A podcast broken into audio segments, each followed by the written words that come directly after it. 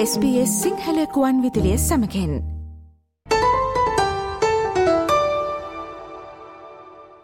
ඔස්ට්‍රලයානු නව ලෙබ රජය පත්වී මේ වන විට දින සියක කාලයක් ගතව තිබෙනවා. එමෙන් මොස්ට්‍රලයාාවේ ඉහළම ආදායම් ලබන්නන්ට ප්‍රතිලාබ සැලසෙන තුන්වනාදිරයේ බදු කප්පාදුව අවලංගු කිරීම සඳහාවන නව යෝජනා ඔස්ට්‍රලයානු අග්‍රාමාත්‍යවරයා මේ වන විට ප්‍රතික්ෂේප කොට ඇති බවයි වාර්තා වන්නේ. අද කලින් තොරතුරු විශේෂන්ගේ අවධානය යොමු කරන්නේ මේ සම්බන්ධයෙන්. මෙම සතියේදී ඔස්ට්‍රලයානු අග්‍රාමාත්‍ය ඇන්තනී ඇල්බනීසේ සිය දුර කාලයේ සන්ධිස්ථානයක් සැමරීම සිදු කරනවා. අග්‍රාමාත්‍යවරයා දේශගුණික ගැටලු ඔස්ට්‍රලයානු සදේශිකයෙන් ව්‍යවස්ථාවෙන් පිළිගැනීම සම්බන්ධයෙන් ඔස්ට්‍රලයාාවේ අවම වැටුප් සම්බන්ධයෙන් සහ ජාත්‍යන්තර සමඳතාවැනි කටයුතු සම්බන්ධයෙන් ඔහුගේ කණ්ඩායමේ කටයුතු ප්‍රශංසා කිරීම සිදු කලා. ඔහු පවසන්නේ තම ලේබ රජයට තවමත් දින සියක් පමණක් ගතවුවත් මේ කාලය තුළදී යහපත් අනාගතයක් සඳහා මාර්ගය තන ඇති බවයි. Our government is only 100 days into this journey, but we are resolved on the destination of a better future. ඔස්ට්‍රලයානු අග්‍රාමාතය ඇන්තනි අල්බනීසි තම අග්‍රාමාත්‍ය දුරය හෙබ වූ කෙටි කාලය තුළදී ජාත්‍යන්තර සබඳතා පිළිබඳව කඩිනම් ප්‍රවේශයක් ගත් අතර ඔහු දිවරුම් දුන් දිනට පසුදින සිදු කළේ කොත් සමුළුව සඳහා ටෝකියෝ වෙත යාමයි. එමෙන්ම ප්‍රංශ ජනාධිපතිවරයා සමඟ පළදූ සබඳතා යළි ගොඩ නැඟූ අතර ඉන්දුනිසියා ජනපතිවරයා හමුවීමටද ඉතා කෙටි කාලයක් තුළදී ඔහු කටයුතු කලා. ජාත්‍යන්තර සබඳතා පිළිබඳව වන මෙම කටයුතු තවමත් අඩාලවී නොමැති අතර අග්‍රාමාත්‍යවරයා හෙළිකොට සිටියේ ටිමෝරේල් සහ සොළමන් දූපත්වල අගමැතිවරුන් ඇතුළු පැසිෆික් නායකින්ට සත්කාරකත්වය සැපීමට බලාපොරොත්තු වන බවයි. එමෙන්ම ඇන්තනි අල්බනීසි පවසන්නේ ජාත්‍යන්තර සමඳතා ගොඩනැගීම දින සියකින් සිදුව නොමැතිවුවත් මේ වන විටත් පැහැදිලි වෙනසක් සිදුකොට ඇති බවයි.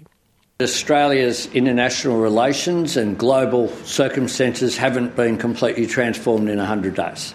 That's true. But what we have done is change the way that we're perceived.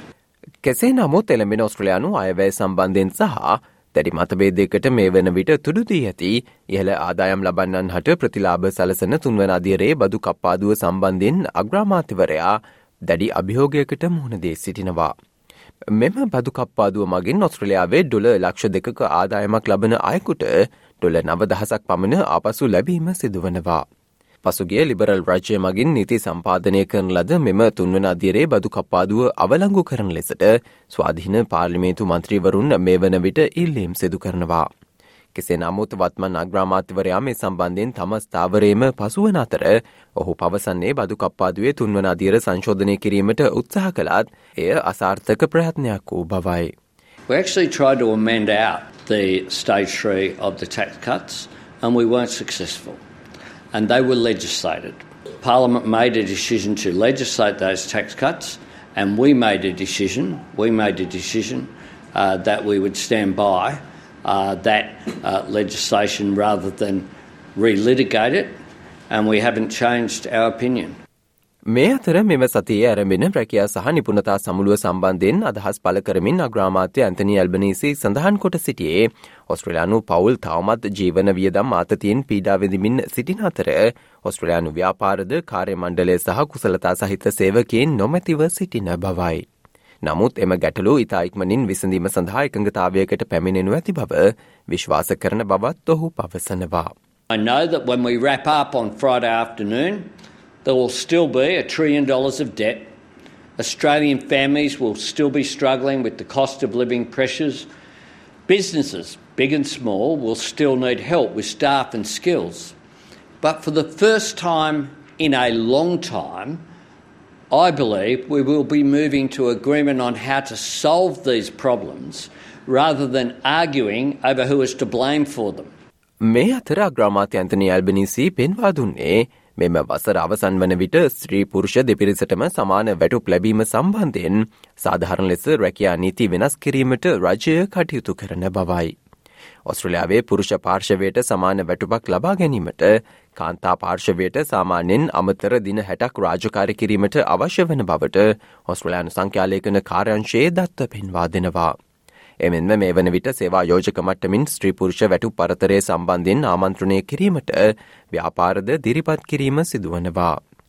මෙම වෙනස්කම් ඔස්සේ අපේක්ෂා කරන්නේ ස්ත්‍රීපුරුෂ සමාජ භාවය වැටු පරතරය විනිවිධ භාවය සහතික කිරීම සහ ආයතන තුළ සාධහරණත්වය ගොඩනැගීම දිරිමත් කරනු ඇති බවයි.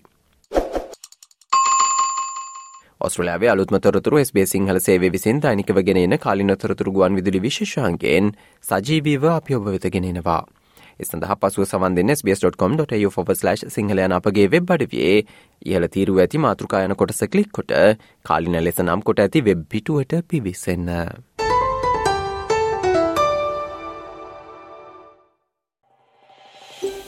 මේ වගේ තවත්තොරතුරු දැනගන්න කැමතිද.